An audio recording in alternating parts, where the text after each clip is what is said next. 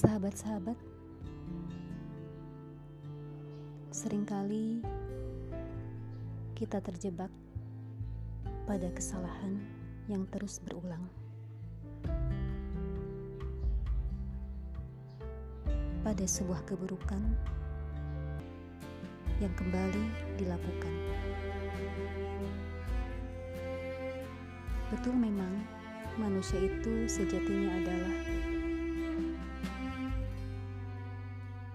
memiliki potensi untuk berbuat baik, juga potensi untuk berbuat salah. Namun, Allah juga memberikan banyak petunjuk mana jalan yang baik untuk diikuti dan mana jalan yang sesat untuk dihindari. Sahabat-sahabat,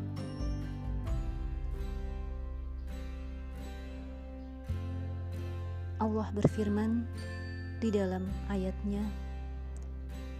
fa'alhamaha fujuruha wa taqwaha. Telah diilhamkan kepada jiwa itu ketakwaannya dan juga kejelekannya.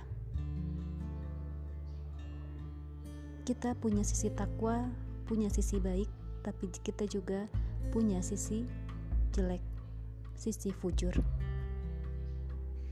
Tapi kemudian Allah menegaskan, Qad aflaha man zakkaha wa qad khaba man. Sungguh beruntunglah orang-orang yang mensucikan jiwanya dan merugilah orang-orang yang mengotorinya. Sahabat-sahabat, kita diberikan pilihan. Apakah jiwa kita akan disucikan,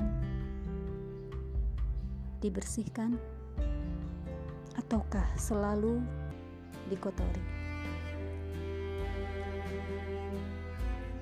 Ketika jiwa dan hati bersih, tentu jalan kebaikan akan dijalani, yang akan dipilih. Tapi ketika jiwa dan hati kotor, maka jalan kesesatanlah yang akan dilakoni, yang akan dipilih. Dan kita tinggal memilih jalan mana yang akan kita tempuh.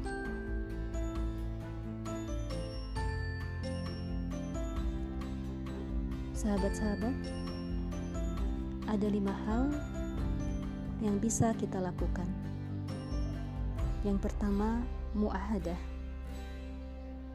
Mengingat perjanjian atau komitmen diri. Kita sering membaca di dalam Al-Fatihah, dalam sholat maupun di luar sholat, berkomitmen berjanji, Iya kena wa iya kena stain. Hanya kepadamu kami menyembah dan hanya kepadamu kami memohon pertolongan. Bahkan kemudian kita lanjutkan dengan ayat selanjutnya. Ihdinas siratal mustaqim, tunjukilah kami jalan jalan yang lurus. Bukankah itu perjanjian yang harus yang selalu kita minta, yang selalu kita ungkapkan? Berjanji untuk mengikuti jalan yang lurus yang Allah tunjukkan. Kemudian yang kedua, muraqabah mengingat kesataan Allah. Ingat bahwa Allah selalu dekat dengan kita. Meskipun kita mungkin tidak melihatnya tapi Allah melihat kita. Yang ketiga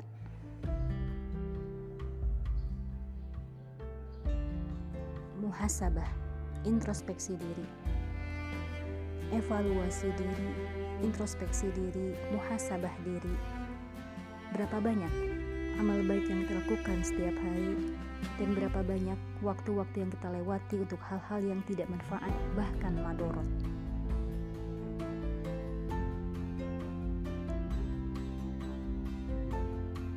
Yang selanjutnya muakobah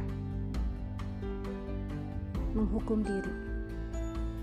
Pernah tidak sahabat kita memberikan sanksi pada diri sendiri oleh diri kita sendiri saat kita melakukan kesalahan, saat kita melakukan sebuah kejelekan. Seperti halnya Umar bin Khattab saat beliau pergi ke kebunnya dan ketika pulang, ketika kembali, beliau sudah mendapati sahabat-sahabatnya selesai melaksanakan sholat asar berjamaah. Lantas beliau berkata, Aku pergi untuk kebunku dan saat aku kembali, sahabat-sahabat telah selesai melaksanakan sholat asar berjamaah.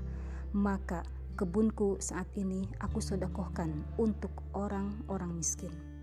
Itulah cara Umar bin Khattab memberikan sanksi pada dirinya karena ia merasa telah lalai ketinggalan sholat berjamaah. Dan yang terakhir, mujahadah. Optimalkan ikhtiar kita untuk menjadi orang yang lebih baik.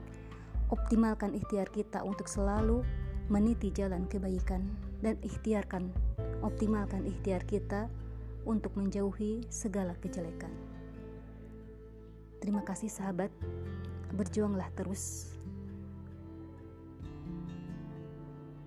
Berjuanglah terus untuk bertumbuh berkembang subur dalam kebaikan.